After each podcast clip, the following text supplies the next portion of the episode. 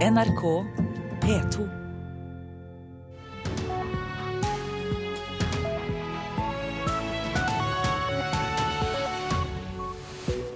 Velkommen til eh, Nyhetsmorgen i studio, Øystein Heggen. Dette er våre saker den nærmeste halvtimen. Storbyene håper på mer kollektivsatsing når deler av Nasjonal transportplan legges fram i dag. Alle gravide bør tilbys den nye blodprøven som kan finne foster med kromosonavvik, mener samfunnsdebattant Ina Roll Spinnanger. Senterpartiet endret tittel, bilde og innledning i en Dagbladet-artikkel før de la den ut på Facebook. Partiet bør skamme seg, mener pressefolk. Johannes eh, Høsflot Klæbo er et stort talent vi knapt har sett maken til, sier eh, langrennseliten om det nye stjerneskuddet blant dem. Og hvordan fatte matte? Mange med regneskrekk lurer på det. Vi skal snakke med forfatteren av en bok som kanskje kan hjelpe dem. Politikerne i de norske storbyene håper på en sterkere satsing på kollektivtransport når regjeringen legger fram mer fra Nasjonal transportplan i dag. De siste dagene har Høyre og Frp lekket flere nyheter om veisatsinger i distriktene. I går kveld meldte TV 2 at regjeringen og samarbeidspartiene er enige om en storsatsing på tog, bl.a. 15 milliarder kroner til ny Oslo-tunnel. Jernbanen er veldig viktig i Oslo-området, helt klart. Men vi har også flere behov. Samferdselsbyråd for Miljøpartiet De Grønne i Oslo, Lan Marie Berg, er glad for at det satses på jernbane.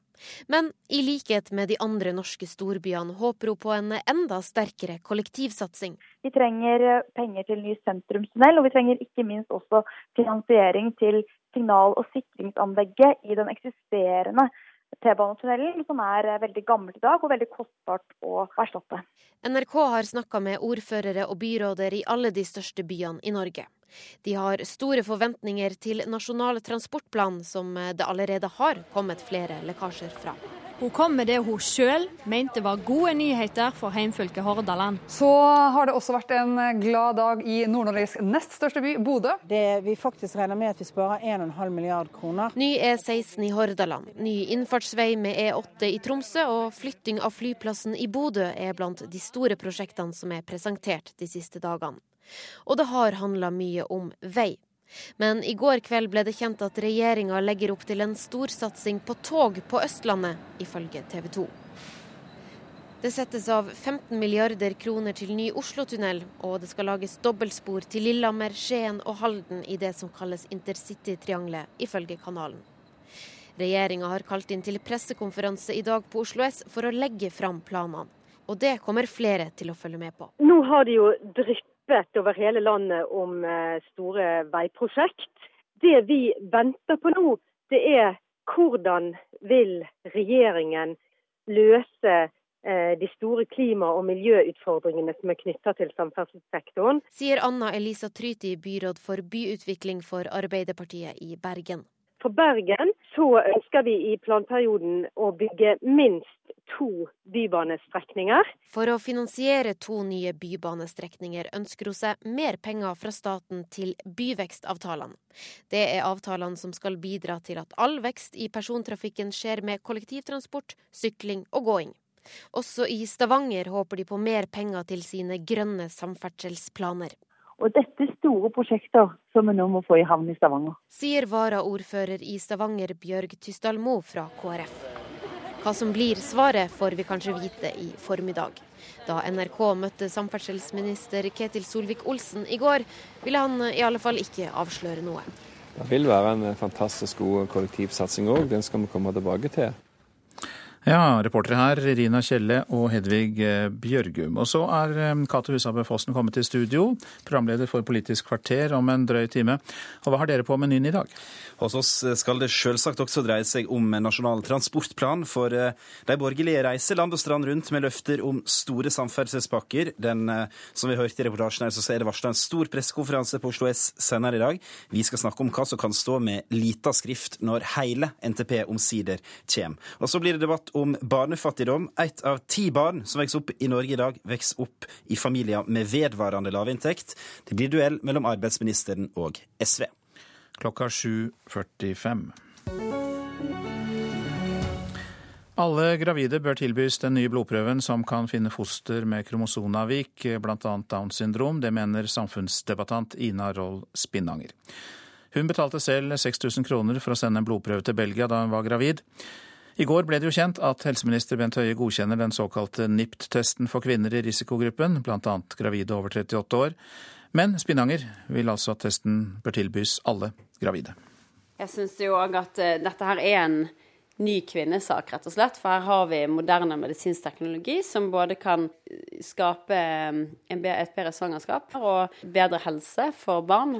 Selv fryktet hun at barnet i magen skulle ha en dødelig kromosonfeil. Hun så et familiemedlem gå igjennom og føde et barn halvveis i svangerskapet, som de visste at skulle dø. Da fikk hun beskjed om at det var trisomi 13 som er en dødelig kromosonfeil, så hun eh, måtte reise opp til sykehuset og de satte i gang fødsel for at barnet skulle dø. Men uh, Olaug Bollestad i Kristelig Folkeparti mener samfunnet vårt blir smalere og kaldere dersom vi ikke har plass for barn med avvik, og hun er imot å gjøre NIPT-testen tilgjengelig. Vi ønsker ikke en intensivering av jakten på Downs syndrom eller på andre kromosomavvik. Det er ikke blodprøve i seg selv som KrF sier galt, men det er intensjonen med blodprøven, nemlig å lete etter barn med kromosomavvik. Eh, og et samfunn som ikke har plass for barn med kromosomavvik, tenker KrF blir et smalere og kaldere samfunn. Det blir mer om dette i Nyhetsmorgen etter klokka sju, og reporter her var Kristine Hirsti. Den svenske regjeringen kommer trolig i dag til å kunngjøre at den gjeninnfører allmenn verneplikt fra og med sommer, melder Sveriges Televisjon. Sverige har hatt verneplikt for menn siden 1901, og siden 2010 eh, har den også omfattet kvinner. Men fra samme år så har denne plikten til å gjennomføre militær grunnopplæring i praksis vært en hvilende bestemmelse. Nå blir det altså allmenn verneplikt igjen fra i sommer. Så til eh, avisen her hjemme. Den største ulykken i livet er å arve mye penger, sier Olav Thon til Dagens Næringsliv. Den 93 år gamle eiendomsinvestoren har ingen direkte etterkommere, men mange slektninger. Formuen går likevel til Thon-stiftelsen, som i år deler ut 45 millioner kroner til forskning innen medisin, matematikk og naturvitenskap. Senterpartiet spiser fra de store, er oppslaget i Vårt Land. Tidligere mistet sentrumspartiene velgere til Trygve Slagsvold Vedums parti. Men nå tar Senterpartiet store jafs fra Høyre, Fremskrittspartiet og Arbeiderpartiet. Anders Behring Breivik kan få mildere soning, kan vi lese i Klassekampen. Gårsdagens dom fastslår at han ikke har vært utsatt for tortur eller umenneskelig behandling, men lagmannsretten åpner for lettelser i soningsforholdene. Slik jobbet han for å snu Breivik-dommen, skriver Aftenposten om regjeringsadvokat Fredrik Seierstedt. Etter nederlaget i tingretten handlet det bare om én ting for staten, å unngå et nytt nederlag. Stikkord ble topping av laget, flere dokumenter og nye vitner. Lønnstapere og lønnsvinnere er tema for Dagbladet. De færreste av oss kan regne med et fett lønnsoppgjør, men de som kan gjøre det best, er ansatte i fiskeriene, i reiselivet og i bygg og anlegg. En 18 år gammel mann som har hatt intime bilder av en annen mann, er nå siktet for utpressing etter at han ble pågrepet under overlevering av en konvolutt med penger. Det skriver Bergensavisen. Politiet frykter at flere kan være rammet, og har opprettet en tipstelefon. Transseksuelle får ikke den hjelpen de trenger, er oppslaget i Adresseavisen. Fagfolk kontaktes av stadig flere med feil kjønn, men mange opplever at de ikke blir trodd. Utredningsteamet bruker altfor lang tid på å bestemme seg. Det har gitt meg angst og depressive tanker. Det sier en av dem til avisa. EU-landbruk skal lære av norsk oppdrett, får vi vite i Nasjonen. Norske oppdrettere har kuttet kraftig i bruken av antibiotika, og nå ber EU om at oppdretterne der ser til Norge og gjør det samme. VG guider oss gjennom rabattene og appene i dagligvarebransjen, og forteller oss at det er enkelt å spare tusener av kroner på matinnkjøpene våre. Johannes eh, Høstflot Klæbo er et stort talent vi knapt har sett maken til og han er eh, framtidas mann. Slik omtales, eh, omtaler løpere i langrennseliten 20-åringen, som tok bronse på sprinten, som vi husker, og 15.-plass eh, på 15 km i Lahtis i går. Det var altså VM. Men det er altså ikke bare i løypa denne Byåsen-løperen imponerer. For meg en, en, fyr som er utrolig spennende å prate med og diskutere med. Og, uh, jeg, jeg, kommer til å lære mye av den unggutten fremover. Johannes er det største talentet jeg har, jeg har sett. Uh, ja, i alle åra jeg har vært med og gått på ski. Eh, Johannes Høsfot Klæbo, det, det, er mannen å se opp for i, i framtida. Det Klæbo har vist i skisporet i VM og så langt i karrieren er imponerende, mener sølv- og bronsevinnerne i går, Martin Jonsrud Sundby og Niklas Dyrhaug. Mens Ivo Niskanen mottok hyllesten som vinner på 15 km klassisk i går, med Sundby og Dyrhaug på hver sin side på seierspallen, sto Johannes Høsflot Klæbo på sidelinjen og snakket om sin 15.-plass. Litt skuffet, men samtidig svært reflektert. En kjempeerfaring, og det har vist seg mange ganger at det tok, det tok lang tid for, for Petter å vinne sitt første intervallstartrenn. Det ser ut som det kommer til å ta for min del, for jeg er langt bak i dag. så på et sånt her, så tror jeg rett og slett bare jeg mangler mine 5000 treningstimer for å, for å henge med. Det er slike refleksjoner som imponerer de mer erfarne løperne som tok medaljer i går. Altså, Den fyren er så voksen i huet sitt, og det er jo en skiløper vi kommer til å som kommer til å dominere verdenstoppen i mange år fremover. Altså, han, han er ikke noen vanlig 20-åring, for å si det sånn. Han vet, vet hva han vil, og, og, det er jo sånne som han som driver sporten videre. Også NRKs langrennsekspert Carl Henning Gran mener Johannes Høsflot Klæbo er en spesielt reflektert 20-åring som imponerer med og uten ski på beina. Han innser med en gang han kommer i mål at det er noen tusen treningstimer som skal til for å holde farta til disse gutta som er seks, sju, åtte år eldre, men innser at det var sannsynligvis noe av det han kunne få, få til i dag. Og så er det det som kommer, som er viktig. Jeg får bare prøve å ta med meg at jeg har ikke Hvasser på fellesstart nå og, uh, i sprint, og da får jeg prøve å jobbe med intervallstart til, til neste år.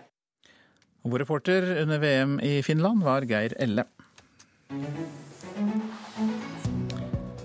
Om få sekunder er klokka kvart på sju. Dette er hovedsaker. USAs nye justisminister Jeff Sessions snakket med Russlands ambassadør to ganger i fjor, skriver Washington Post.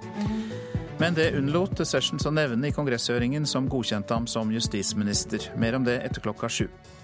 Halvparten av alle biler som ble solgt i Norge i forrige måned, var enten hybridbiler eller elbiler. Nye biler med hybriddrift eller nullutslipp hadde i februar en markedsandel på 48 Datanettstedet Yao innrømmer brudd på datasikkerheten etter at uvedkommende var, har hacket 32 millioner brukerkontoer. Yahoo eier bl.a. bloggtjenesten Tumblr og fototjenesten Flikker. Norges Blindeforbund oppfordrer myndighetene til å droppe nasjonale prøver inntil blinde og svaksynte kan ta prøvene på linje med andre elever. De krever at Kunnskapsdepartementet legger prøvene på is inntil de er tilrettelagt for blinde og svaksynte.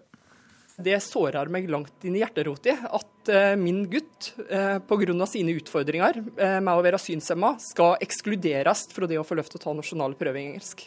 Det sa Aina Marie Kleiv, mor til blinde Remi i Kviteseid, til NRK i desember. Og For meg så blir det så sterkt som at jeg vil gå ut og påstå at det er diskriminering av en gruppe med mennesker. I januar svarte kunnskapsminister Torbjørn Røe Isaksen med å sette i verk løsninger på kort og lang sikt. Til høsten får blinde og svaksynte elever ta nasjonale prøver i engelsk, men må ta den sammen med en lærer, og prøvene vil ikke telle i nasjonale målinger. På lang sikt skal det utvikles et tilrettelagt prøvesystem. Men dette er ikke godt nok, sier Arnt Tolte, generalsekretær i Blindeforbundet. Dette svaret med at man skal utsette det hele til man finner en løsning, det vet vi av tidligere erfaringer. Det vil ta tid når det ikke er noe press på å få dette til. Og så syns jeg også at det er ganske oppsiktsvekkende at uh, man sier at uh, Remi uh, kan få lov til å ta prøven, men en vil ikke telle sammen med de andre elevene, fordi at man da har en lærer som man skal ha denne prøven sammen med. Derfor mener Blindeforbundet kunnskapsministeren bør legge prøvene på is inntil de er tilrettelagt alle barn. Vi krever at nasjonale prøver i engelsk ikke gjennomføres, med mindre de kan være tilgjengelig for alle sammen. Det er uaktuelt, sier kunnskapsministeren. Det er et urimelig krav at vi skal slutte med nasjonale prøver for alle. Det, det, er rett og slett ikke aktuelt. Han mener den kortsiktige løsningen der blinde og svaksynte elever får ta prøven sammen med en lærer, får duge inntil videre. Det betyr jo rett og slett at du ikke er med i statistikken. Det betyr jo ikke at du ikke kan ta prøven. Men sier du da at dersom en blind eller svaksynt må sitte med læreren for å ta en prøve, at det er å ta prøven på lik linje som de andre elevene? Ja, altså det, det er alternativet. I den kortsiktige løsningen så er det alternativet at man tar den sammen med en lærer. Det er et byråkratspråk og en måte å håndtere på dette på som vil føre til at blinde og svaksynte barn vil føle seg utafor. Og blinde og svaksynte barn har nok å stri med i skolen om en ikke også skal ha et system som ekskluderer og diskriminerer. Reporter her var Solfrid Leirgul Øverbø. Senterpartiet endret eh, tittel, ingress og bilde i en Dagbladet-artikkel de deretter postet på Facebook. Og dette har fått flere til å reagere. En presseekspert mener partiet må skamme seg. Her har vi Senterpartiet sin Facebook-side, hvor de har lagt ut eh, Dagbladets eh, artikkel. Geir Ramnefjell, politisk redaktør i Dagbladet, viser frem Facebook-siden til Senterpartiet. Her har partiet postet og delt en av Dagbladets artikler. Men det er et lite problem. Vi vinkla saken på at Arbeiderpartiet faller stort på ny måling. Vi skal ligge høyere enn dette. Sitat fra Jonas Gahr Støre. Og når Senterpartiet har lagt ut den saken, så har de vinkla den om med Senterpartiet med 11,4% Beste måling på 20, på 20 år! Utropstegn. Og som jo er en fordreining av Dagbladets innhold. Det er altså å gripe inn i i, eh, i, redigeringen av Dagbladets innhold. Når man deler en sak på Facebook, er det nemlig i noen tilfeller mulig å endre tittel, ingress og bilde. Og det er denne funksjonen Senterpartiet har benyttet seg av her. Dette får Ramnefjell til å reagere kraftig. Det er eh, rett og slett et grovt overtramp, og noe som vi legger til grunn at seriøse eh, politiske partier eh, ligger unna. Hvis politikerne skal tre inn i rollen som eh, som redaktører i norske medier, så har vi et uh, alvorlig problem. At Dagbladets redaktør reagerer på dette, kommer kanskje ikke som noen overraskelse. Så vi ringer ekspert på presseetikk, Gunnar Bodal Johansen. Ja. Hei, det er Mari. Hva syns han om Senterpartiets Facebook-post? Det er et grovt overtramp, etter min oppfatning. Ja, hvis det er sånn at Senterpartiet har eh, tatt en Dagbladet-artikkel, vinklet den om, eh, slik den, de selv ville at oppslaget skulle være. F.eks. ved å bytte ut en tittel og et bilde. Så har man jo både stjålet artikkelen og forfalsket artikkelen. Og da syns jeg Senterpartiet bør skamme seg. Ramnefjell har sendt brev til Senterpartiets leder Trygve Slagsvold Vedum, hvor han understreker alvoret i denne saken. Senterpartiet ved medierådgiver Lars Vangen har fått mulighet til å svare på kritikken i denne saken, det ønsker de ikke, men skriver følgende i en SMS til NRK. Vi ønsker ikke å bidra til å eskalere en debatt om dette. Vi er i et valgår og vil at debattene skal handle om politikk. Og det sa reporter Mari Sand Malm. I dag starter musikkfestivalen Bylarm i Oslo. Det er eh, ny skandinavisk musikk som skal presenteres for journalister og bransjefolk. Og mannen som oppdaget Aurora, beskriver denne festivalen som en av de aller viktigste.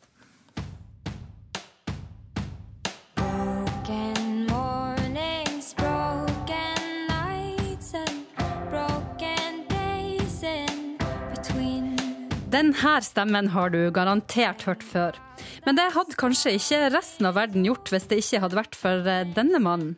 And so uh, I, I came to, to Bilam and, um, and saw her play um, and just completely fell in love with her as a performer.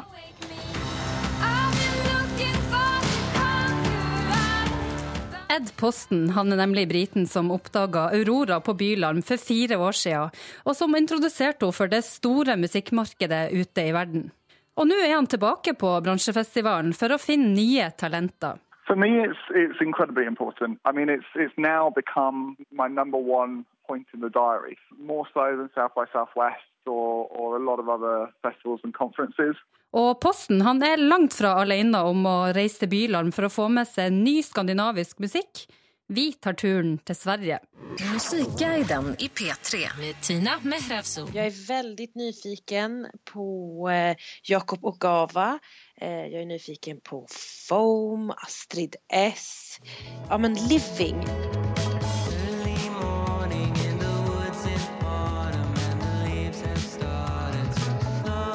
Living är ett sånt eh, litet band som jag hittade en gång och eh, som jag verkligen ser fram emot att se live. Eh, det känns som att man flyter runt på molnen när man lyssnar på Living och man tas med på en resa.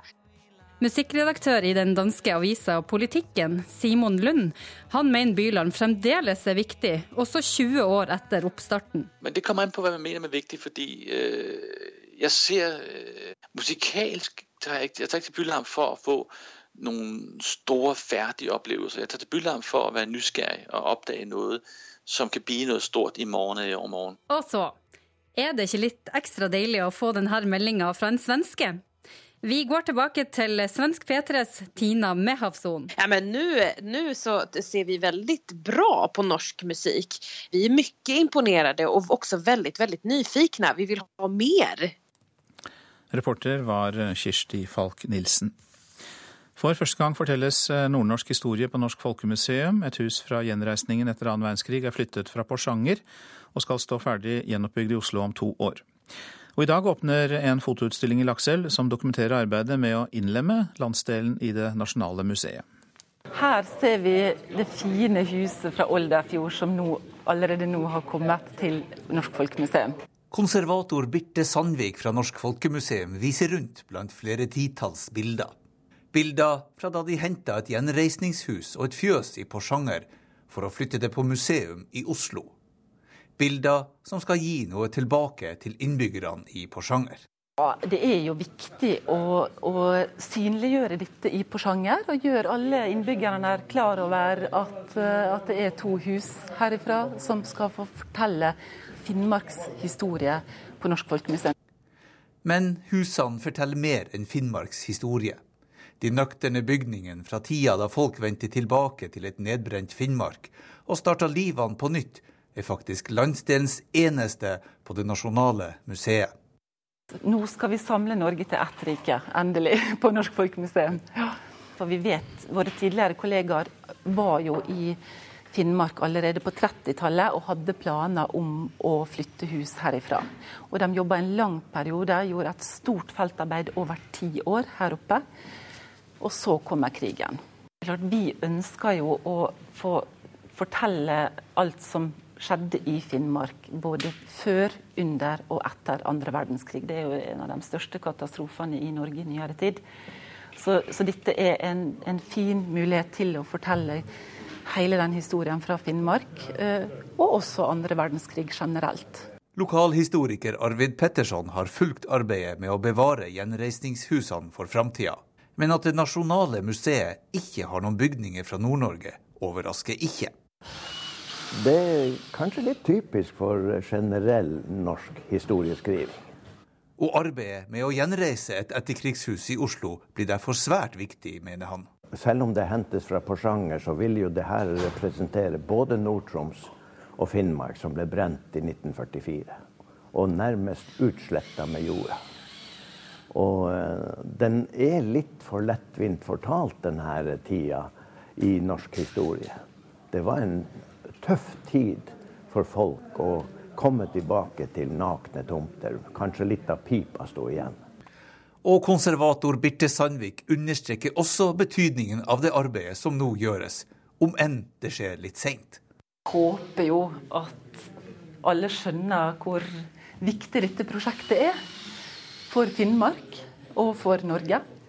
Og vi har bestemt oss for at vi skal vise situasjonen sånn som det var i bolighuset i 1956. Og vi håper jo at alle som ser utstillingen her, får lyst til å komme og besøke eh, Norsk Folkemuseum når husene står gjenreist i, i 2019. Det håper vi virkelig. Reporter i Porsanger, Jan Harald Thomassen. Politiet i Mexico har funnet elleve drapsofre. De døde er ofre for narkotikarelatert gjengvold, sier guvernøren i delstaten. De drepte ni menn og to kvinner ble funnet i bydelen Boca del Rio i havnebyen Veracruz, opplyser guvernøren. Innenriksministeren i Mexico sa, sier at han vil sette inn militærpoliti i kampen mot gjengene i Veracruz.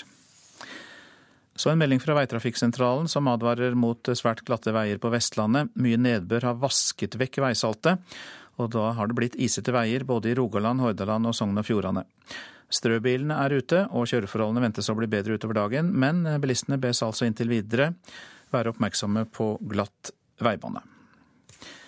Så tar vi for oss eh, værvarselet fram til midnatt. Fjellet i Sør-Norge først. Det blir eh, stort sett oppholdsvær, men fra ettermiddagen litt snø i sør. Østlandet og Telemark noe sol, om kvelden litt snø i Telemark. Nedbør som regn nær kysten. Agder perioder med regnbyger, snøbyger i høyden. Rogaland og Hordaland og Sogn og Fjordane sør eller sørøst liten kuling utsatte steder og til dels stiv kuling. I perioder nedbør som regn på kysten og snø i indre og høyereliggende strøk. Møre og Romsdal, Trøndelag, Nordland og Troms. I Lofoten og Vesterålen nordøst liten kuling. Det blir en god del sol mange steder, men enkelte steder på kysten får snøbyger. Finnmark fra ettermiddagen stiv nordlig kuling rundt Slettnes fyr. Snøbyger på kysten, ellers noe sol. Og Spitsbergen får stort sett oppholdsvær. Vi tar med oss temperaturene målt klokka fire. Svalbard lufthavn er nede i minus 14, Kirkenes minus 7, Varde minus 3. Alta minus 11, Tromsø-Langnes minus 5. Bodø, Brønnøysund og Trondheim alle med minus 2. Molde minus tre, Bergen-Flesland pluss én, Stavanger pluss to, Kristiansand-Kjevik minus én, Gardermoen minus tre. Lillehammer minus fire, Røros minus 12 og Oslo-Blindern, der var det én minusgrad klokka fire i natt.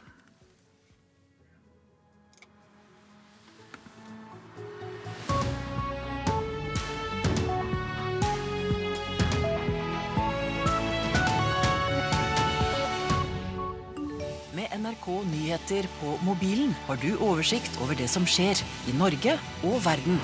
Donald Trumps første 100 dager som president. Forward, Følg Eirik Jensen-saken. Hvem er egentlig Eirik Jensen? Eirik Jensen har aldri vært skurk så lenge jeg har kjent den. Forskere mener at Zelandia bør bli regnet som et eget kontinent. Må vi tegne verdenskartet på nytt? Hva kan Aksel Lund Svindal lære oss om å overvinne frykt? Så lenge jeg um, gjør ting ordentlig og er litt tålmodig, så føler jeg ikke at jeg risikerer så mye. NRK Nyheter på mobil gir deg oversikt over det som skjer. Sverige gjeninnfører verneplikten. Storbyene håper på milliarder til kollektivtrafikken når nye deler av Nasjonal transportplan legges frem i dag. Her er NRK Dagsnytt klokken sju. Den svenske regjeringen kommer i dag til å gjeninnføre verneplikt, det melder Sveriges Radio. Årsaken er en kombinasjon av for få frivillige og at den sikkerhetspolitiske situasjonen i nærområdet er blitt verre. Sverige har hatt verneplikt for menn siden 1901, men siden 2010 har verneplikten i fredstid vært sovende. Dersom Sverige skal ha fulltallige og øvede kampenheter, må det frivillige systemet utvides med verneplikt. Det sier Sveriges forsvarsminister Peter Hultqvist. Vi har hatt svårigheter å bemanne krigsforbandene på frivillig vei. och eh, det må på noe sett åtgjerdes, og derfor er det nødvendig helt enkelt å reaktivere verneplikten. og det er den enkle bakgrunnen. Vi måtte fylle seg av de forband som riksdagen har besluttet at vi skal ha. Demokratenes leder i Representantenes hus, Nancy Pelosi, mener justisminister Jeff Sessions bør trekke seg etter at han hadde møter med Russlands ambassadør, som han ikke fortalte Senatet om. Avisen Washington Post skriver at Sessions snakket med Russlands ambassadør to ganger i fjor, til tross for at han ikke nevnte dette i senatshøringen før han ble godkjent. Og det blir mer om dette i Nyhetsmorgen nå rett etter Dagsnytt. De norske storbyene håper på sterkere satsing på kollektivtransport når regjeringen legger frem mer fra Nasjonal transportplan i dag. De siste dagene har Høyre og Frp lekket flere nyheter om veisatsinger i distriktene. I går kveld meldte TV 2 at regjeringen og samarbeidspartiene er enige om en storsatsing på tog, med bl.a. 15 milliarder kroner til ny Oslo-tunnel. Jernbanen er veldig viktig i Oslo-området, helt klart. Men vi har også flere behov. Samferdselsbyråd for Miljøpartiet Miljøpartiet De Grønne i Oslo, Lan Marie Berg, er glad for at det satses på jernbane. Men i likhet med de andre norske storbyene håper hun på nyheter om en enda sterkere kollektivsatsing i dag. Nå har de jo drypp over hele landet om eh, store veiprosjekt. Sier Anna Elisa Tryti, byråd for byutvikling for Arbeiderpartiet i Bergen. Det vi venter på nå, det er hvordan vil regjeringen løse Eh, de store klima- og miljøutfordringene som er knytta til samferdselssektoren. I likhet med bl.a. Stavanger håper hun at regjeringa vil legge en enda større andel på bordet for å finansiere store miljøsatsinger i byene, som flere bybanestrekninger, sykkelvei og mer kollektivtransport i det som kalles byvekstavtalene. Det sa reporter Irina Kjelle. NRK Dagsnytt var ved Tor Albert Frøsland. Nyhetsmorgen fortsetter med disse sakene. I Tyrkia er den største rettssaken etter fjorårets kuppforsøk i gang. 330 tiltalte må møte i en spesialbygd rettssal. Her får du også mer om striden rundt USAs nye justisminister Jeff Sessions, som ikke ga Kongressen informasjon om at han snakket med Russlands ambassadør to ganger i fjor. Alle gravide bør tilbys den nye blodprøven som kan finne foster med kromosonavvik, mener samfunnsdebattant Ina Roll Spinnanger. Og det er fortsatt manko på menn i barnehager over hele landet. Menn i Hønefoss bruker sju gutter fra ungdomsskolen vinterferien for å erfare hvordan det er å jobbe i barnehage. I Tyrkia er den største rettssaken etter fjorårets kuppforsøk i gang. I en spesialbygd rettssal står 330 mistenkt eh, tiltalt, bl.a. for å velte regjeringen. Det var deler av hæren som forsøkte å gjennomføre et kupp 15.07 i fjor, mens myndighetene mener, eh, og myndighetene mener det er gulenistbevegelsen som står bak. Pårørende og advokater strømmet til det godt inngjerdede rettslokalet i Sinjan, ikke langt fra hovedstaden Ankara. Blant de fremmøtte surret en hvit overvåkningsdrone, og en vannkanon var også kjørt frem. I tillegg passet sikkerhetsstyrker og skarpskyttere på at alt gikk rolig og kontrollert for seg. De 330 soldatene som sitter på tiltalebenken, er mistenkt for drap, drapsforsøk og forsøk på å fjerne regjeringen med makt, samt å hindre parlamentet og regjeringen i å utføre sitt arbeid. Den første som forklarte seg i rettssaken, var Abdul Karim Karaman. Han sa at offiserene informerte soldatene om at et terrorangrep hadde funnet sted 15.07 i fjor. Deretter fikk soldatene ammunisjon. En annen sa det samme. Han og medsoldatene fikk beskjed om et angivelig terrorangrep og ble bedt om å være beredt. En offiser hadde fortalt dem at situasjonen var kritisk, og at soldatene kunne bruke våpen, ifølge tiltalte ved navn Ahmed Akhtash. Tidligere har flere soldater hevdet at de trodde de skulle delta i en øvelse, og at de ikke ante noe om at det var et kuppforsøk de var med på. Nå skal de alle forklare seg i retten. Moren til en av dem sier til CCTV at hun håper at sønnen hennes blir frikjent. Kamera kayıtları var, silah kayıtları var, baylokları temiz gelmiş. Overvåkningsvideoer, oversikt over våpenbruk og sosiale medier kan bevise at mitt barn er uskyldig, tror moren som heter Esma. President Recep Tayyip Erdogan mener at predikanten Fetullah Gulen og hans gulenistbevegelse står bak kuppforsøket. I flere år samarbeidet Erdogan og hans parti AKP og gulenistene men nå er de bitre fiender. Erdogan har brukt unntakstilstanden etter kuppforsøket til å slå ned på alle som er mistenkt for å ha det minste med gulenistbevegelsen å gjøre. En av de siktede soldatene sa at han aldri har hatt noen kontakt med gulenistbevegelsen. Men en som forklarte seg i går, som heter Becker Kurt, sa at han ofte hadde møtt gulenister, både i skoletiden og videre i sitt voksne liv. Bare tre dager før kuppforsøket traff han folk fra gulenistnettverket. Jeg så aldri noe ondt i noen av dem jeg møtte, og de spurte meg aldri om å delta i noe ulovlig, forklarte Kort. I retten la han til at han ikke visste noe om at dette var en så forrædersk organisasjon. Mye er uklart rundt kuppforsøket 15.07 i fjor. De fleste tyrkere NRK har snakket med, tror aldri at hele sannheten om hva som virkelig skjedde, vil bli kjent. I alle fall ikke på lenge. Den rapporten var laget av korrespondent i Istanbul, Sissel Wold. Og leder for Europarådet, Torbjørn Jagland, ber tyrkiske myndigheter om at de tiltalte får en rettferdig rettergang. Og så god morgen til deg, Morten Myksvold.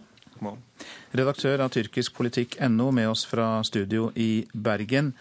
Her hørte vi mye om eh, Fetullah Gülen, altså en skriftlærd eksiltyrker som pekefingeren til myndighetene stadig vekk rettes mot. Hvorfor det? Han er jo anklaga for å ha orkestrert kuppet i uh, fjor sommer. Og, Det var på en måte kulmineringen av en krig som har pågått mellom Erdogan og, regjeringen eh, og denne Gulen-bevegelsen helt siden 2013. Der har det vært eh, enorme omveltninger i statsapparatet, Masse massearrestasjoner i flere år som leder opp til, til kuppforsøket. Men militæret hadde ennå ikke blitt rørt. Eh, og det skulle tas i, i eh, august, en stor omvalting der. Eh, og det er sannsynlig at mange av de som leder kuppet, i hvert fall er Gulen-lojale, om ikke han sjøl drev og, og orkestrerte det. Men president Erdogan og Fetullah Gülen har jo vært bestevenner en gang, så hva er det som skiller dem så skarpt nå? Ja, og det, det, som, det, som, er anklagen, er jo at Gulen styrer et stort nettverk innad i staten i alle greiner av statsapparatet. og den det nettverket har jo blitt uh, mye større etter at AKP fikk makt i, i 2002.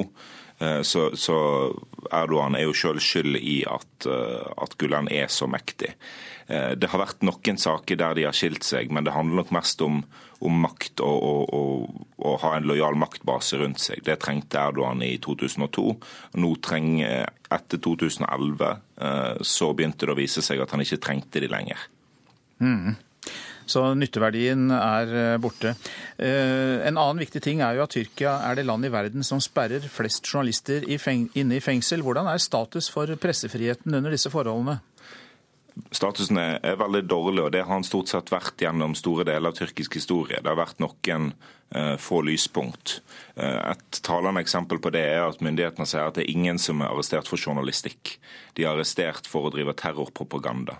Og det er en veldig uh, vid antiterrorlov i Tyrkia som, som gjør at en kan lett stemple journalistikk som, som terrorpropaganda.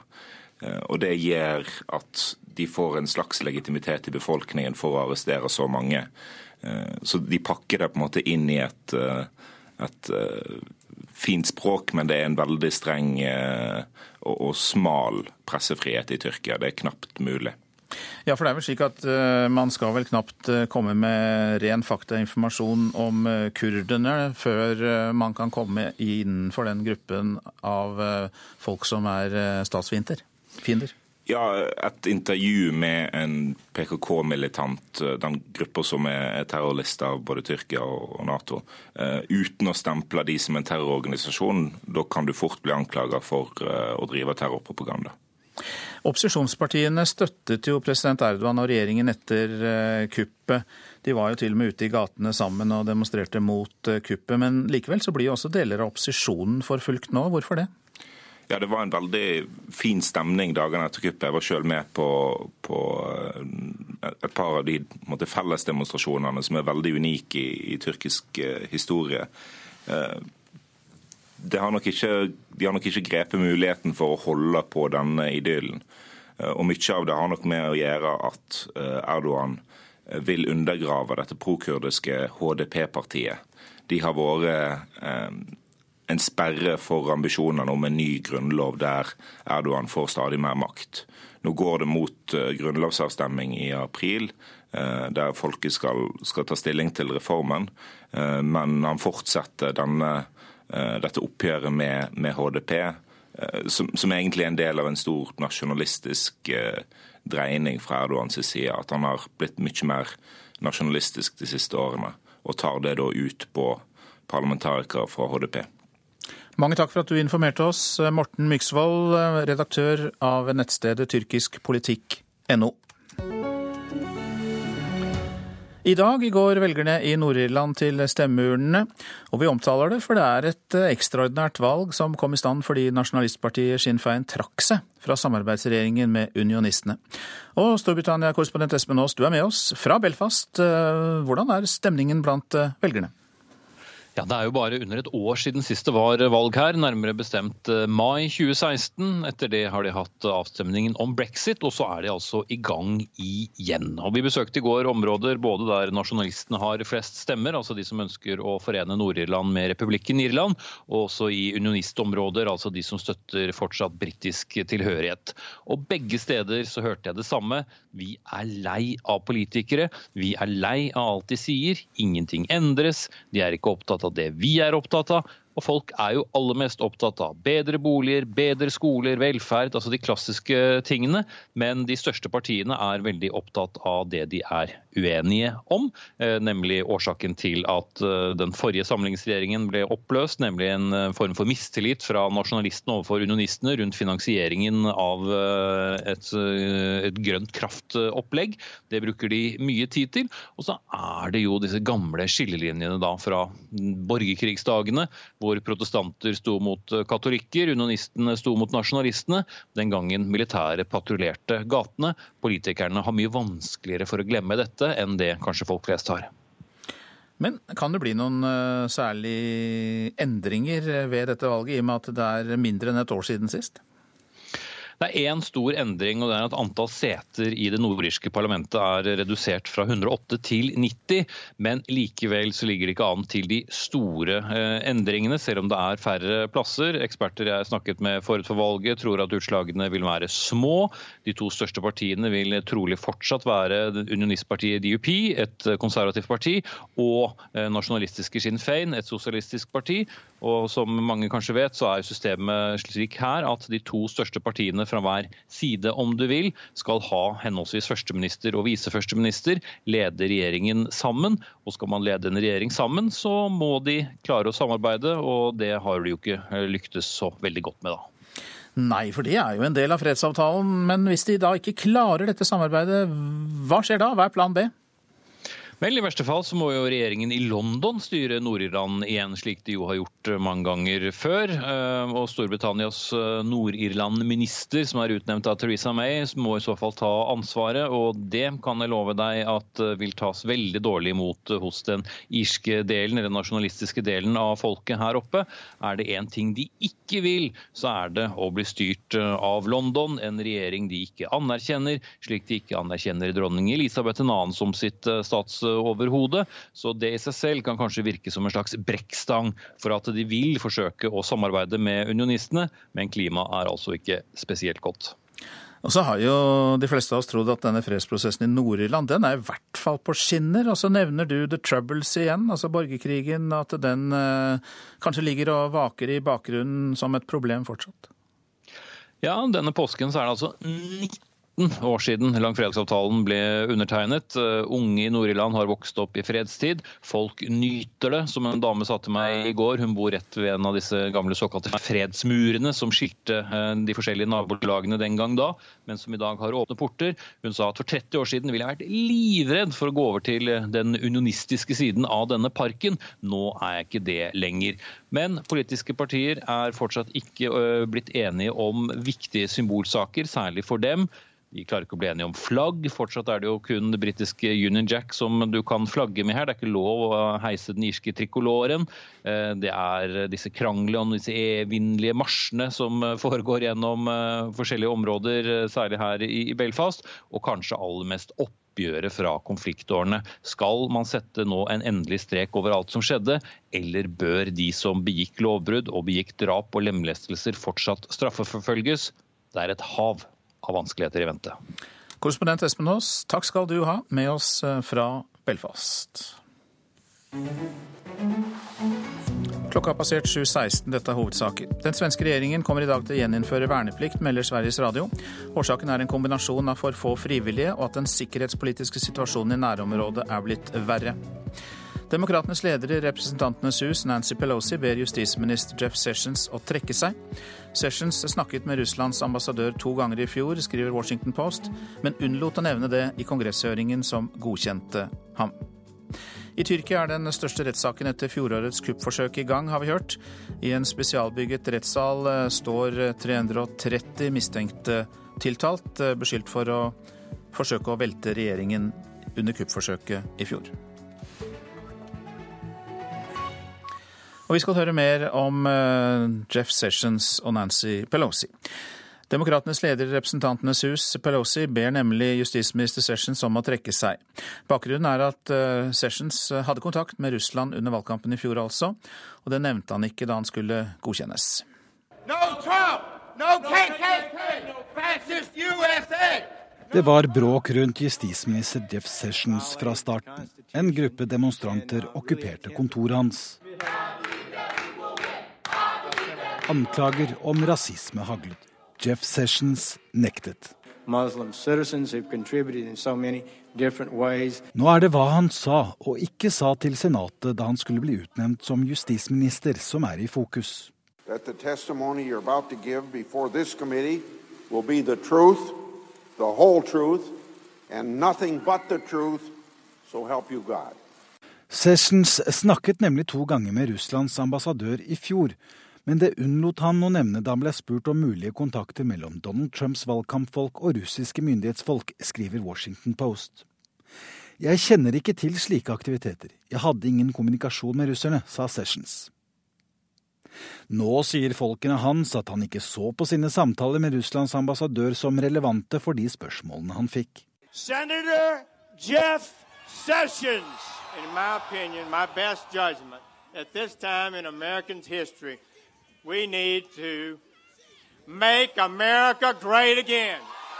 Saken er delikat pga. alle påstandene om Russlands forsøk på å påvirke valgkampen, som også har endt med at mange etterretningsfolk ved Russlands ambassade i USA har måttet forlate landet. Donald Trump har kommentert dette bl.a. på denne måten. Russia will have much greater respect for our country when I'm leading it than when other people have led it. You will see that. Russia will respect our country more. He shouldn't have done it. I don't believe he'll be doing it more now. We have to work something out, but it's not just Russia. Som justisminister er Sessions øverste leder for FBI, som etterforsker russisk innblanding i valgkampen. Nå ber demokratenes leder i Representantenes hus, Nancy Pelosi, justisminister Jeff Sessions om å trekke seg. Og disse nyhetene fra USA fikk vi fra utenriksreporter Øyvind Nyborg. Alle gravide bør tilbys den nye blodprøven som kan finne foster med kromosonavvik, bl.a. Downs syndrom, mener samfunnsdebattanten Ina Roll Spinnanger. Hun betalte selv 6000 kroner for å sende en blodprøve til Belgia da hun var gravid. I går ble det jo kjent at helseminister Bent Høie godkjenner den såkalte NIPT-testen for kvinner i risikogruppen bl.a. gravide over 38 år. Men Spinanger mener testen bør tilbys alle gravide. Jeg syns jo òg at uh, dette her er en ny kvinnesak, rett og slett. For her har vi moderne medisinsk teknologi som både kan skape eh, et bedre svangerskap og bedre helse for barn. Selv fryktet hun at barnet i magen skulle ha en dødelig kromosonfeil. Hun så et familiemedlem gå igjennom og føde et barn halvveis i svangerskapet, som de visste at skulle dø. Da fikk hun beskjed om at det var trisomi 13 som er en dødelig kromosonfeil, så hun eh, måtte reise opp til sykehuset og de satte i gang fødsel for at barna skulle dø. Helseminister Bent Høie åpner for at dem som i dag får tilbud om en fostervannsprøve, nå skal få tilbud om NIPT-testen. Det gjelder i hovedsak dem som har økt risiko for å få barn med alvorlig sykdom eller utviklingsavvik. Det har fått Olaug Bollestad, annen nestleder i Kristelig Folkeparti, til å rope varsko. Vi ønsker ikke en intensivering av jakten på Downs syndrom eller på andre kromosomavvik. Det er ikke blodprøve i seg selv som KrF sier galt, men det er intensjonen med blodprøven, nemlig å lete etter barn med kromosomavvik. Eh, og et samfunn som ikke har plass for barn med kromosomavvik, tenker KrF blir et smalere og kaldere samfunn. Men Spindager, som tidligere har vært aktiv i Venstre, går ikke med på at testen vil skape et sorteringssamfunn. Hun får støtte av leder for Jordmorforeningen, Kirsten Jørgensen. Jeg tenker at det, Denne testen er både tryggere og mindre invasiv for kvinnene. Jeg tenker at det skal de ha. Når vi først har en god metode, en bedre metode, så bør vi ta den i bruk etter de samme kriteriene som vi har i dag. Lys. Ett år gamle Viktor sitter blid og fornøyd på mammas fang. Men testen var det som skulle til for at Spinnager kunne slappe av da hun gikk gravid. Så jeg syns det var verdt de pengene å eh, betale for den testen, sånn at eh, jeg kunne slappe av, rett og slett. Og nyte graviditeten. Reporter var Kristine Hirsti. Så tar vi for oss eh, det avisen er opptatt av. Den største ulykken i livet er å arve mye penger, sier Olav Thon til Dagens Næringsliv. Den 93 år gamle eiendomsinvestoren har ingen direkte etterkommere, men mange slektninger. Formuen går likevel til Thon-stiftelsen, som eh, i år gir 43 millioner kroner til forskning innenfor medisin, matematikk og naturvitenskap. Senterpartiet spiser fra de store, er oppslaget i Vårt Land. Tidligere mistet senter sentrumspartiene velgere til Trygve Slagsvold Vedums parti, men nå tar Senterpartiet store jafs også fra Høyre. Fremskrittspartiet og Arbeiderpartiet viser bakgrunnstallene Vårt Land har. Anders Behring Breivik kan få mildere soning, kan vi lese i Klassekampen. Gårsdagens dom fastslår at han ikke har vært utsatt for tortur eller umenneskelig behandling, men lagmannsretten åpner for lettelser i soningsforholdene. Slik jobbet han for å snu Breivik-dommen, skriver Aftenposten om regjeringsadvokat Fredrik Sejersted. Etter nederlaget i tingretten handlet det bare om én ting for staten, å unngå et nytt nederlag. Stikkord ble topping av laget, flere dokumenter og nye vitner.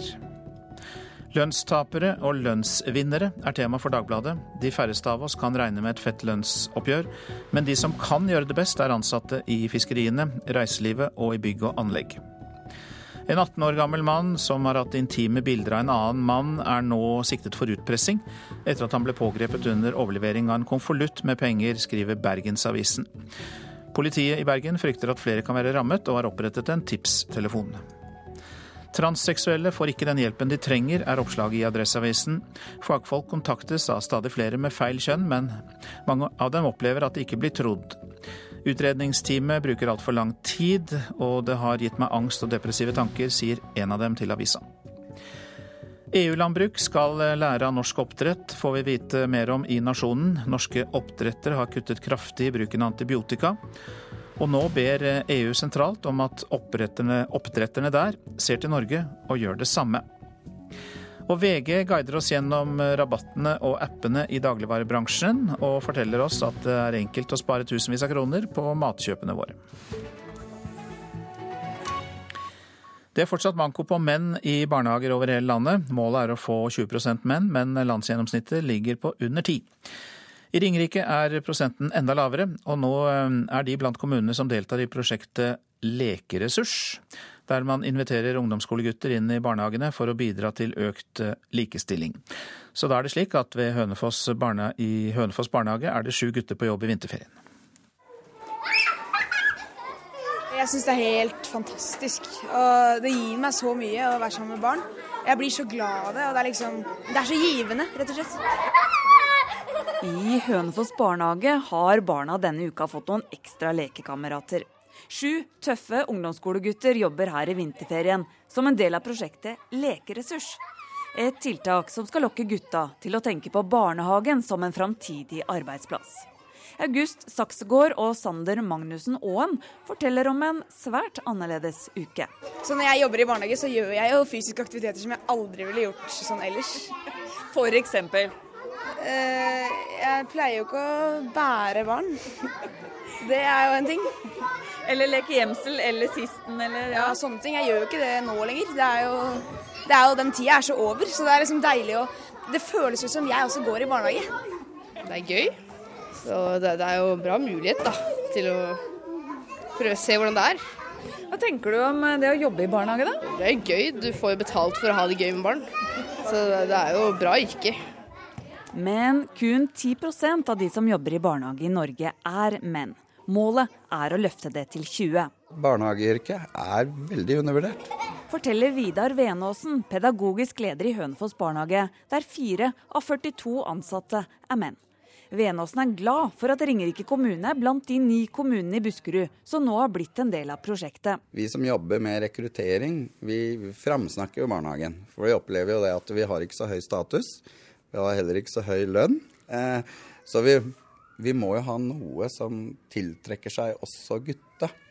Eh, eh, og da må vi vise oss frem at vi er lekne, vi har det gøy på jobb. Og, og, og jeg pleier å si det når jeg noen er ute og snakker, at hvilken jobb er det du blir møtt av ti stykker de første to minuttene på jobb som forteller at de er veldig glad i deg? Det er jo helt unikt. Prosjekt Lekeressurs startet opp i 2013 i Lillehammer. Nå finnes det mer eller mindre over hele landet. Forsker Tonje Lauritzen ved Østlandsforskning har sammen med Likestillingssenteret gått igjennom 120 evalueringsskjemaer fra gutter som har deltatt i prosjektet. Og svarene var positive. Der fant vi at de fleste guttene, over halvparten, sa at de godt kunne tenke seg å jobbe i barnehagen en gang i fremtida. Tror dere at dette er veien å gå for å rekruttere flere menn inn i barnehagene? Ja, vi, vår forskning og det vi har snakka med barnehagene og fylkesmennene om, så tror vi dette absolutt er en vei å gå. Jeg tror at de forestillingene vi har om ulike yrker, det gjelder jo selvfølgelig andre yrker òg, kvinner i Forsvaret f.eks., at de er så sterke at de blir begrensende for hva vi tør å gjøre, eller hva vi tror passer for oss. Men å komme ut og se og erfare og oppleve, det, det tror jeg vil virke positivt. Men du, Hva tror du Mathilde, for at flere gutter har lyst til å jobbe i barnehage? Akkurat det her. For det virker veldig bra. Så jeg tenker at dette er liksom en fin mulighet til å få gutter til å skjønne at det er faktisk sinnssykt hyggelig å jobbe i barnehage. Eh, så jeg anbefaler eh, gutter til å bare gripe sjansen, for dette her var eh, skikkelig skikkelig gøy. Altså. Kunne det friste? Jeg har lyst til å bli elektriker eller noe sånt. Det kunne, det kunne gått hvis, hvis, det er noe annet som ikke virker. Jeg sikter mer inn på musikk, det er det jeg vil gjøre. Men det er jo en god plan B, da. Reporter i Hønefoss barnehage var Anette Skafjell. Produsent for Nyhetsmorgen Ingvild Ryssdal, og her i studio Øystein Heggen. Bombetrusler mot jødiske skoler og kultursentre, vandalisme mot synagoger og jødiske gravplasser, det er hendelser i det siste som bekymrer i USA, og vi skal høre mer i reportasjen etter Dagsnytt. Nasjonal transportplan er tema for Politisk kvarter kvart på åtte, og der blir det også debatt om barnefattigdom.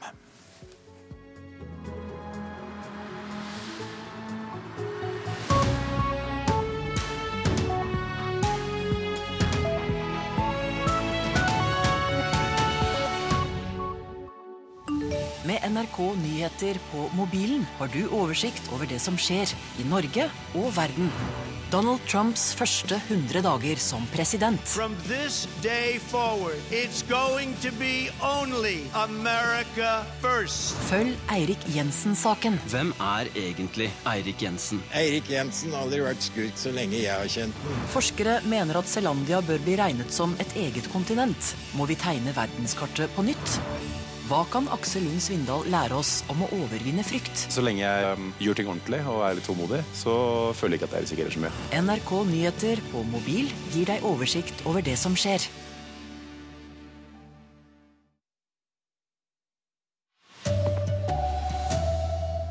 Demokratenes Nancy Pelosi ber USAs justisminister trekke seg fordi han skal ha hatt kontakt med russere under valgkampen. Sverige gjeninnfører verneplikten fordi den sikkerhetspolitiske situasjonen i nærområdet er blitt verre. Og storbyene håper på en sterkere satsing på kollektivtransporten når regjeringen kommer med nye lekkasjer fra Nasjonal transportplan. Her er NRK Dagsnytt klokken 7.30. I USA ber demokratenes leder i Representantenes hus Nancy Pelosi justisminister Jeff Sessions om å trekke seg. Bakgrunnen er at Sessions hadde kontakt med Russland under valgkampen i fjor, noe han unnlot å nevne da han skulle godkjennes som justisminister. No Trump! No KKK! No fascist USA! Det var bråk rundt justisminister Jeff Sessions fra starten. En gruppe demonstranter okkuperte kontoret hans. Nå er det hva han sa og ikke sa til Senatet da han skulle bli utnevnt som justisminister, som er i fokus.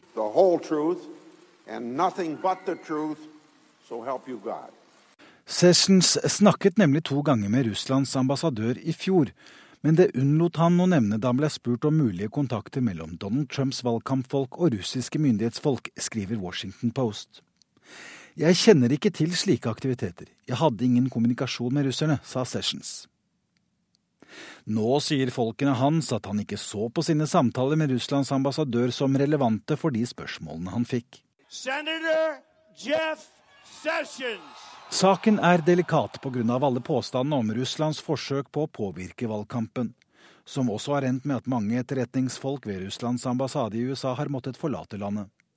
Donald Trump har kommentert dette bl.a. på denne måten. Russia will have much greater respect for our country when I'm leading it than when other people have led it. You will see that. Russia will respect our country more. He shouldn't have done it. I don't believe he'll be doing it more now. We have to work something out, but it's not just Russia. Som justisminister er Sessions øverste leder for FBI, som etterforsker russisk innblanding i valgkampen. Nå ber demokratenes leder i Representantenes hus, Nancy Pelosi, justisminister Jeff Sessions om å trekke seg. Det sa reporter Øyvind Nyborg. Og Sessions avviser nå at han hadde kontakt med russiske embetsfolk for å diskutere valgkampen. Det melder CNN. Den svenske regjeringen kommer i dag til å gjeninnføre verneplikten. Siden 2010 har verneplikten i fredstid vært sovende. Det frivillige systemet må komplementeres av verneplikt, sier Sveriges forsvarsminister Peter Hultqvist til Sveriges Televisjon. Fra 1.7 kommer svenske 18-åringer til å bli kalt inn til sesjon. For i dag kommer den svenske regjeringen til å gjeninnføre verneplikten. Sveriges forsvarsminister Peter Hultqvist mener svenskene må gjeninnføre verneplikten for å ha fulltallige og klare kampenheter. Vi har hatt svårigheter å bemanne krigsforbanden på frivillig vei, og eh, det må på noe sett åtgjerdes. og eh, Derfor er det nødvendig helt enkelt å reaktivere verneplikten, og det er den enkle bakgrunnen. Siden 2010 har det vært frivillig å gjennomføre førstegangstjeneste i Sverige, mens verneplikten i fredstid har vært sovende. I sommer blir altså verneplikten igjen aktivert i første omgang for svenske gutter og jenter født i 1999 og 2000. Vi må fylle seg de forband som Riksdagen har besluttet at vi skal ha. 13 000 ungdommer vil altså bli kalt inn til sesjon, og rundt 4000 frivillige og vernepliktige skal tas ut til militær opplæring i hvert av de neste to årene. Siden 2010 har det vært verneplikt i Sverige både for kvinner og menn. Hultqvist håper gjeninnføringen av verneplikten vil føre til flere kvinner i det svenske forsvaret. Det leder seg til både i langsiktig en bedre stemning, en bedre effektivitet og en bedre speiling av hele samfunnet. Dessuten så markerer det jo også en jevnstillhet. Reporter Harald Stolt-Nielsen. Alle gravide bør tilbys den nye blodprøven som kan avdekke syndromer hos fosteret. Det mener samfunnsdebattant Ina Roll Spinager. Testen har ikke tidligere vært tilbudt til norske kvinner, men nå er det åpnet for at kvinner i risikogruppen får ta den. Alle kvinners rett til å ta testen er verdt til å kjempe for, mener Spinanger. Jeg syns jo òg at eh, dette her er en ny kvinnesak, rett og slett. For her har vi moderne medisinsk teknologi som både kan skape um, et bedre svangerskap og bedre helse for barn. Selv fryktet hun at barnet i magen skulle ha en dødelig kromosonfeil. Hun så et familiemedlem gå igjennom og føde et barn halvveis i svangerskapet, som de visste at skulle dø. Da fikk hun beskjed om at det var trisomi 13, som er en dødelig kromosomfeil. så hun eh, måtte reise opp til sykehuset, og de satte i gang fødsel for at barna skulle dø. Helseminister Bent Høie åpner for at dem som i dag får tilbud om en fostervannsprøve, nå skal få tilbud om NIPT-testen. Det gjelder i hovedsak dem som har økt risiko for å få barn med alvorlig sykdom eller utviklingsavvik. Det har fått Olaug Bollestad, annen nestleder i Kristelig Folkeparti, til å rope varsko. Vi ønsker ikke en intensivering av jakten på Downs syndrom eller på andre kromosomavvik. Det er ikke blodprøve i seg selv som KrF sier galt, men det er intensjonen med blodprøven, nemlig å lete etter barn med kromosomavvik. Eh, og et samfunn som ikke har plass for barn med kromosomavvik, tenker KrF blir et smalere og kaldere samfunn. Men Spinnager, som tidligere har vært aktiv i Venstre, går ikke med på at testen vil skape et sorteringssamfunn. Hun får støtte av leder for Jordmorforeningen, Kirsten Jørgensen. Jeg tenker at det, Denne testen er både tryggere og mindre invasiv for kvinnene. Jeg tenker at det skal de ha. Når vi først har en god metode, en bedre metode, så bør vi ta den i bruk etter de samme kriteriene som vi har i dag. Lys. Ett år gamle Viktor sitter blid og fornøyd på mammas fang. Men testen var det som skulle til for at Spinnager kunne slappe av da hun gikk gravid. Så jeg syns det var verdt de pengene å eh, eh, betale for den testen, sånn at eh, jeg kunne slappe av, rett og slett. Og nyte graviditeten. Reporter var Kristine Hirsti. De norske storbyene håper på en sterkere satsing på kollektivtransport når regjeringen kommer med flere lekkasjer fra Nasjonal transportplan i dag. Jernbanen er veldig viktig i Oslo-området, helt klart. Men vi har også flere behov. Samferdselsbyråd for Miljøpartiet De Grønne i Oslo, Lan Marie Berg, er glad for at det satses på jernbane.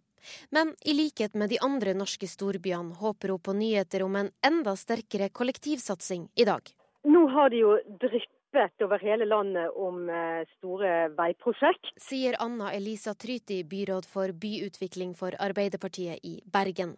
Det vi venter på nå, det er hvordan vil regjeringen løse eh, de store klima- og miljøutfordringene som er knytta til samferdselssektoren.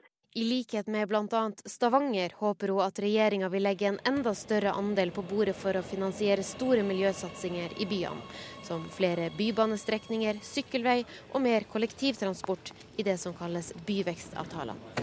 NRK har snakka med ordførere og byråder i alle de store byene før mer av Nasjonal transportplan presenteres i dag. Det har allerede vært lekkasjer. Hun kom med det hun sjøl mente var gode nyheter for heimfylket Hordaland. Ny E16 i Hordaland og flytting av flyplassen i Bodø er allerede lova. Og så blir det en stor satsing på tog, ifølge TV 2. Regjeringa vil sette av 15 milliarder kroner til ny Oslo-tunnel og bygge dobbeltspor til Lillehammer, Skien og Halden, etter det kanalen erfarer. Akkurat det vil foreløpig ikke samferdselsminister Ketil Solvik-Olsen si noe om. Det vil være en fantastisk god kollektivsatsing òg, den skal vi komme tilbake til. Reporter var Irina Kjelle, og om et par timer så møter de borgerlige partiene pressen på Oslo S. Etter et skuffende VM er motivasjonen på et bunnivå for de norske kombinetherrene. I dag tas laget til lagsprinten ut, men flere er mer villige til å gi fra seg plassen enn å kjempe for den. Eh, jeg har ikke villet tatt ut meg sjøl, Det sier Jørgen Gråbakk etter 22.-plassen onsdag. Hvis de vil gamble, så er det opp til dem eh, lag, lagledelsen å gjøre det. Men eh, jeg er ikke sikkert kort for øyeblikket. Landslagssjef Christian Hammer bekreftet at å ta ut et ellers så sikkert Gråbakk-kort kan være et sjansespill. Ja, det kan godt hende. Men vi har ikke begynt den tanken ennå. Heller ikke Magnus Moan er særlig offensiv før uttaket. Jeg har ikke noe problem med å gi fra meg den plassen til, til, Espen eller Krog eller Jørgen. Jeg skal gå en runde med meg sjøl og, og, trenerne, og så er det viktig at vi stiller med det beste, det beste og det mest sultne laget på start. Landslagssjefen innrømmer at kombinertlandslaget er for langt unna de gode resultatene. Det er litt summa summarum faktisk at vi hakker for dårlig, så vi er en veldig jevn gruppe som er ja, hakket bak eh, paren. De to utøverne som skal gå lagsprinten, tas ut klokken ni. Det sa reporter Patrick Steen Rolands. Ansvarlig for Dagsnytt, Bjørn Christian Jacobsen. Her i studio, Tor Albert Frøsland.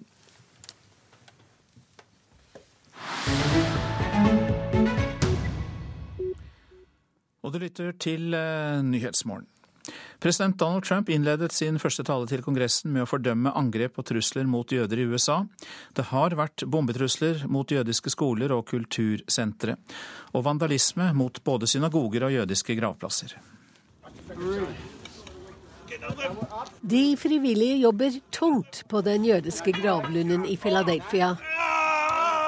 Det er ikke bare bare når over 100 veltede gravstøtter skal på plass igjen. Um,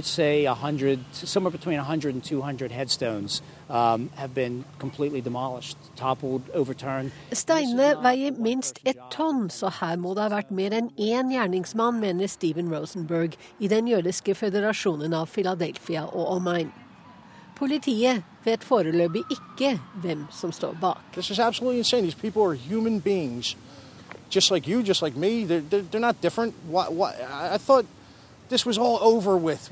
Dette er vanvittig. Jeg trodde vi var ferdig med slik, sier Michael Bristow til nyhetsbyrået Ap. Han er en av flere titalls frivillige som møter opp for å få Mount Carmel gravplassen i orden igjen. Michael er blant dem som raker løv og rydder. Andre sørger for å kartlegge hver eneste grav og omfanget av skadene. Um, Robert Wise har tatt seg fri fra jobben og kjørt fem timer til Philadelphia. Han forstår ikke hvordan noen kan være så respektløs. Han er sjokkert. Det er de også utenfor St. Louis, der 170 gravsteiner ble veltet på en jødisk gravplass. Myra Katz har slektninger som ligger på Chesed Shell Emmet. Hun skylder på regjeringen. Det er så mye antisemittisme nå, sier hun til Reuters. Um, you know, there's so much anti-Semitism now with Jeg burde vel ikke si det, men du kan ikke fylle regjeringen med trangsynte og hatefulle personer uten at det får folk til å tenke at det er helt greit å hate andre, mener Myra Katz.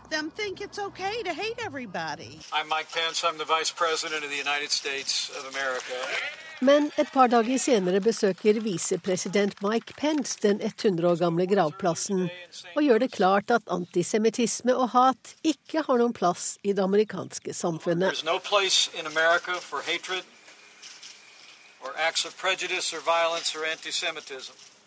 Men amerikanske jøder har hatt grunn til å føle seg truet den siste tiden. I Chicago ble vinduene til en synagoge knust og hakekors teipet på dørene. Bare på mandag fikk jødiske skoler og kultursentre i elleve delstater bombetrusler. De var falske alle sammen, men dette var den femte runden med slike trusler siden januar, ifølge Ap. I Davy i Florida ble flere hundre elever og ansatte evakuert fra en jødisk skole på tirsdag etter en bombetrussel. Scary, det var litt skremmende, men det er risikoen en tar når en går på en jødisk skole, sier Daisy Lopate.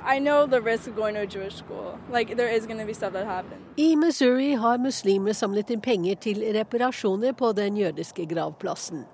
I Philadelphia synger de ved en av gravsteinene som er satt på plass. Studenten Sarah Samuel sier hun er overveldet over hvor mange som vil hjelpe, men legger til dette burde aldri ha skjedd til å begynne med. Reportasjen var laget av Wenche Eriksen. Hovedsaker i Nyhetsmorgen. Demokratenes leder i Representantenes hus, Nancy Pelosi, ber USAs justisminister om å trekke seg. Jeff Sessions hadde kontakt med russere under valgkampen i fjor, men unnlot å nevne det i kongresshøringen som godkjente ham som justisminister. Den svenske regjeringen gjeninnfører allmenn verneplikt. Årsaken er den sikkerhetspolitiske situasjonen i nærområdet, og at for få melder seg frivillig til militærtjeneste. Alle gravide bør tilbys den nye blodprøven som kan finne fostre med kromosonavvik, bl.a. Downs syndrom, mener samfunnsdebattant Ina Roll Spinnanger. Helseminister Bent Høie godkjente i går testen for gravide over 38 år. Halvparten av alle biler som ble solgt i Norge i forrige måned, var enten hybridbiler eller elbiler. Nye biler med hybriddrift eller nullutslipp hadde i februar en markedsandel på 48% Og nå går det mot Politisk kvarter ved Cato Husabø Fossen.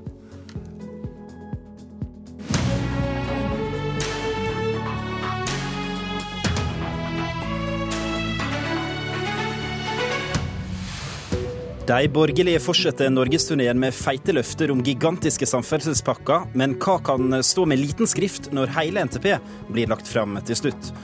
Voldsom økning siste åra. 100 000 barn vokser opp i varig fattigdom i et av verdens rikeste land. Hva skjer? Importerer vi fattigdom, eller har regjeringa svikta?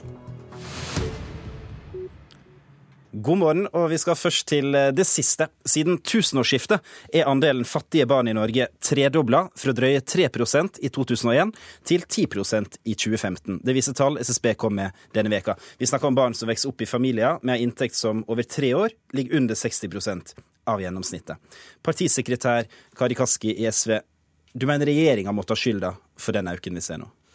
Ja, jeg er bekymra for at vi uh, ser at uh, nesten 100 000 barn vokser opp i fattige familier. Og det som bekymrer meg aller mest, er at vi ser at økninga har skutt fart de siste årene, etter å ha ligget på et uh, et eh, relativt stabilt nivå gjennom, eh, gjennom flere år.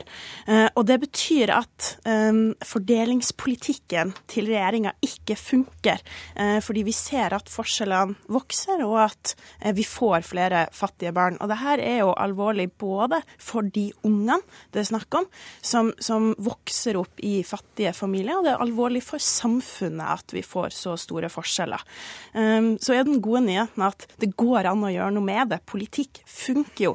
Vi vet hva slags tiltak som, som trengs, som å øke den universelle barnetrygda. Hvor gikk det galt, eh, Hauglie? Er det politikken som ikke funka, eller noe annet?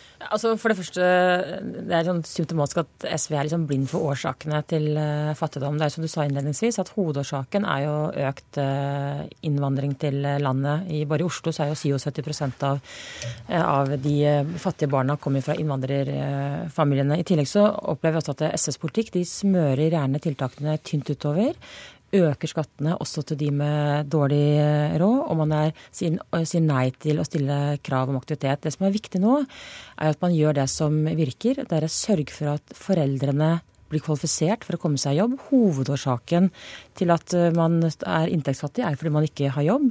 Det andre er at man sørger for kompetanse og god skole til eh, barna. Og det tredje er at man sikrer at velferdsordningene når de som trenger det. Og det er det regjeringen eh, gjør, bl.a. gjennom en egen, og den første i landet, tiltaksplan mot barnefattigdom med 64 konkrete tiltak som bl.a. målretter velferdsordningene våre til de familiene som sliter. Og her er jo SV mildt sagt svært utydelig. Mm. vi har hørt det her før at det går an å gjøre noe med. Kristin Halvorsen sa i 2005 at det er ikke vanskelig å avskaffe fattigdom, det handler kun om politisk vilje. Åtte år senere så var det 15 000 flere fattige barn enn dere begynte. Så hva troverdighet har du og SV på det her, egentlig? Altså, Forskjellene ble redusert når vi satt i regjering, men vi fikk ikke gjennomslag for å øke barnetrygden. Og det er det som er svaret? Eh, ja, det er det som er svaret. Og det slår både Fordelingsutvalget fast, det slår UNICEF fast. Det er det mest omfordelende virkemidlet som vi har, og det vil også gi færre eh, unger som vokser opp i fattigdom. Og selv om vi ser nå at en, en, stor andel, eller også en relativt mye større andel enn ellers i samfunnet av de her ungene, er uh, unger med, uh, med, en annen bakgrunn. Det er jo ikke bare flyktninger, det er også en ganske høy andel unger av arbeidsinnvandrere. Det er ganske viktig å ha med. Uh, så er det altså halvparten av de er også norske, og uansett så er alle de her ungene våre barn. Og da må vi ha tiltak som ikke bare gjør det litt mer lett å bære den fattigdommen, men som faktisk får de ut av fattigdom. Og alle er enige om at vi må få foreldre i arbeid, og vi venter på flere mm. tiltak fra regjeringa på det. Men, men, det er altså sånn at et SV gir skattelette til de som tjener minst i samfunnet, mens det er regjeringa som, som, gir skattelette til de som tjener aller, aller mest, samtidig som de har en rekke Det er kjent kritikk, men, men, men barnetrygda har jo ikke vært prisjustert siden 1996. og det, Du viste Unicef, og de de, de, skriver jo, eller de har fått SSB til å regne på, det vil koste 8 milliarder å prisjustere og gi de som får barnetrygd, en 500-lapp ekstra i måneden. Men er det å gi deg en 500-lapp ekstra i måneden, er det liksom, forandrer det så mye? Er det svaret på alt? Ja, det er flerårseffekt. Vi legger inn 1,3 milliarder i, i vårt alternativbudsjett for 2017, som vil bidra til å prisjustere barnetrygden, men også målrette den mot de gruppene som har høyest risiko for, for å havne i fattigdom. Over flere år så vil det bli nærmere 7-8 milliarder for å komme opp på 1996-nivå. Det vil, bare det tiltaket, å prisjustere det og ikke lønnsjustere det engang, vil løfte løfte 18 000 unger ut av fattigdom. Det mener jeg det er verdt å gjøre. Så må vi gjøre en rekke andre tiltak. Så må mm. få foreldre i jobb, ja. sikre bedre integrering. Men, men det kommer til å ta tid. Dette er det grepet som vi vet gir mest omfordeling og færre fattige barn. Hvorfor er ikke svaret å bare gi de fattige mer penger? Eh, fordi Årsaken til at de er fattige, er at de ikke har jobb. Årsaken til at mange av de ikke har jobb, er at de mangler norskkunnskap og kvalifikasjoner. Barnetrygden er viktig for de, eh, for de familiene med dårligst råd, men som du sier, den har vært økt på 20 år. Det som denne regjeringen har gjort, har vært også Eh, bl.a. Eh, gjøre det betydelig billigere for barn i eh, inntektsfattige familier å være i barnehage. Mens SV ønsker også å gi subsidiert barnehageplass til de som bor på østkanten, uavhengig om det er dårlig råd eller ikke. Så ønsker regjeringen å gi det til alle barn som har dårlig råd, f.eks. Når, når SV sier at man ønsker å kutte skattene til, eller at vi gir til de rike.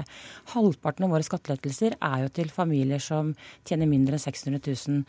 Eh, I Oslo så får nå moderate, helt vanlige husstander, også på Oslo øst, får nå eiendomsskatt. Så man øker også skattene der for de som har, eh, har, lavere inntekter. Det som er kritikken mot SV, er at man ikke ser på årsakene og målretter tiltakene mot det. Man sier nei til aktivitetskrav, bl.a. til flere, flere av velferdsordningene, som aktivitetskrav i sosialhjelpen. I Oslo innførte vi aktivitetskrav også for eh, gratis kjernetid. SV sa nei til dette. Til tross for at de som mottar et, eh, de som blir satt krav til, de opplever det som positivt og, får en gylden, opplever det som en gyllen mulighet til å komme seg i aktivitet. Regjeringen nå målretter tiltakene mot kompetanse og utdanning. Eh, vi eh, sikrer nå flere gjennom lønnstilskudd, hurtigspor for innvandrere. Si så for oppsummeringa nå. Altså, hva skal jeg svare på? Eh, det er jo litt spesielt å høre. Altså, vi er enige om at vi må få folk i jobb, men det er altså denne regjeringa som har økt kontantstøtta for å gi gratis penger til folk for å ikke jobbe. Sånn. Vi, må, altså, vi, må, sikre tiltak for å få folk i jobb. Da holder det jo ikke bare å stille krav, vi må jo også ha et system som gjør at de folka faktisk kommer seg ut i aktivitet, og sikrer at de lærer seg norsk. Men å stille krav er en del av Jo, men selvfølgelig, og det har det vært rom for før også. Men denne regjeringa strammer det til. men sånt, Hør på det her. Når dere innfører eh, Du sier at dere vil ha unger i barnehage, men da er det jo spesielt å fjerne den universelle kjernetida i særlig viktige områder der man skal treffe på kjernetid i barnehage, istedenfor å innføre en inntektsgrense. Ikke sant? Da, ja, men hvis du hører på hva jeg sier, så jeg får fullføre setninga mi. 95% av de ungene som da tidligere fikk tilbud om, om gratis kjernetid i barnehage, mista det med den inntektsgrensa som dere satt på plass. Det er en fattigdomsfelle å ha en sånn type inntektsgrense. Det er derfor vi kritiserer den ordninga. Er det det, Hauglie? Det, altså, det, det, er, det, er jo, det er jo nesten så ikke man kan tro hva man uh, hører. Det er klart at når, når, SV er mer opptatt av at sånne som meg og henne skal få gratis uh, kjernetid Nei, fordi vi bor på La meg, nå skal jeg fullføre. Fordi vi bor på riktig adresse, mens da familier på Frogner eller andre steder i landet som har dårlig råd, de skal ikke få fordi de bor på, de bor på feil sted. Og så syns jeg også SV eh, styrte landet i gullåra, hvor inntektene rant inn. SV satt med finansministeren, med kunnskapsministeren, med barne- og likestillingsministeren, og antall barn eh, fattige barn økte. Det betyr jo at den politikken de førte den gangen, den eh, førte ikke fram. Flere fattige økte. Nå ser vi f.eks. Eh, gjennom, eh, gjennom et betydelig økt bosettingstrykk av de som kommer til landet. Vi bosetter nå langt flere enn det dere klarte i løpet av flere jo, år. Det... det... øker integreringen. Det øker mulighetene for foreldrene til å komme seg i jobb. Og så har dere kutta i penger til nei, språkopplæring. Jo, da nei, har dere, dere har kutta i det. På asylmottak har dere det. Og, og, hør, til de som skal bo i landet, så øker vi jo trykket på norskopplæringen. Det betyr at det vi gjør nå, vi jobber mye mye mer målrettet for å løse det vi ser er problemet, istedenfor å smøre det tynt utover til de som heller ikke skal nås av, av, eh, av Men vi må nå alle de 100 000, ikke sant? og det er ikke bare unger fra Syria. ikke sant? Det, kom like, det er like mange Gjennom den økninga som har vært nå av 6000 nye fattige, nye fattige barnefamilier, er like mange fra Polen. Det forklarte hun med at de fikk ikke gjennomslag for barnetrygden. Men jeg vil ha et svar. Altså, Anniken Hauglie, hvor, hvor, tid snur det? Hvor tid kan vi måle denne regjeringa? Hvor tid begynner det å bli færre fattige barn i Norge? For det har vært en voldsom økning fra 2011 ja, den fortsetter. Ja, altså, nå, for, for, I statistikken vi ser nå, så er det jo alle de flyktningene som kom til landet i 2015, de 32 000 som kom i 2015, de er ennå ikke en del av statistikken. De så det kom, blir verre? Nei, det sier jeg ikke. Men det er klart at når vi nå har så stort trykk på integrering, på arbeid og aktivitet, på kompetanseutdanning, så er det jo nettopp for å sørge for at flere av de som kommer til landet, raskere kommer seg i arbeid og aktivitet, kan forsørge seg selv, stå på egne bein, at barna deres får en Superkort, god utdanning. Kaske. Da må man prioritere å ikke gi 21 milliarder eh, kroner i skattelette ja, til de aller rikeste. Nå heller skifte... øke barnetrygden, som når bredt til, til alle unger. Vi skal skifte tema. Takk for at dere kom til Politisk kvarter, Anniken Hauglie og Kari Elisabeth Kaski.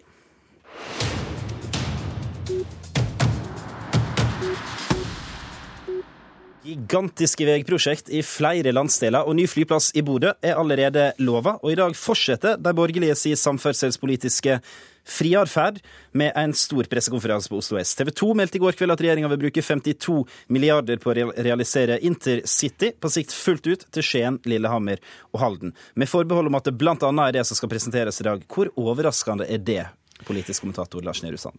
Det er jo all grunn til å tro at TV 2s opplysninger eh, stemmer. Og det er litt overraskende i den forstand at den faglige tilrådningen fra jernbaneetatene var å ikke eh, bygge hele eh, intercitytriangelet, men konsentrere seg om den indre delen, som da ikke går helt til de tre byene du nevnte, men til eh, Fredrikstad, Hamar og eh, Tønsberg. Det de regjeringen nå ser ut til å gjøre, sånn som jeg tolker eh, signalene også etter å ha snakka med kilder i, i partiene, er at man vil bruke noe noe mer tid på å realisere prosjektet enn det man tidligere så for seg, men at grunnen til det er at man vil begynne med Oslotunnelen, og at man da mener, etter å ha konferert med fagetatene, at det er viktig å bygge den tunnelen under Oslo sentrum først, for å kunne få fullt utbytte av det økte jernbanebehovet man tross alt ønsker, eller økte togavgangene man ønsker, ved å bygge ut intercity. Men det det betyr, er at det tar litt lengre tid. Man kan fort få en debatt om årstallene her,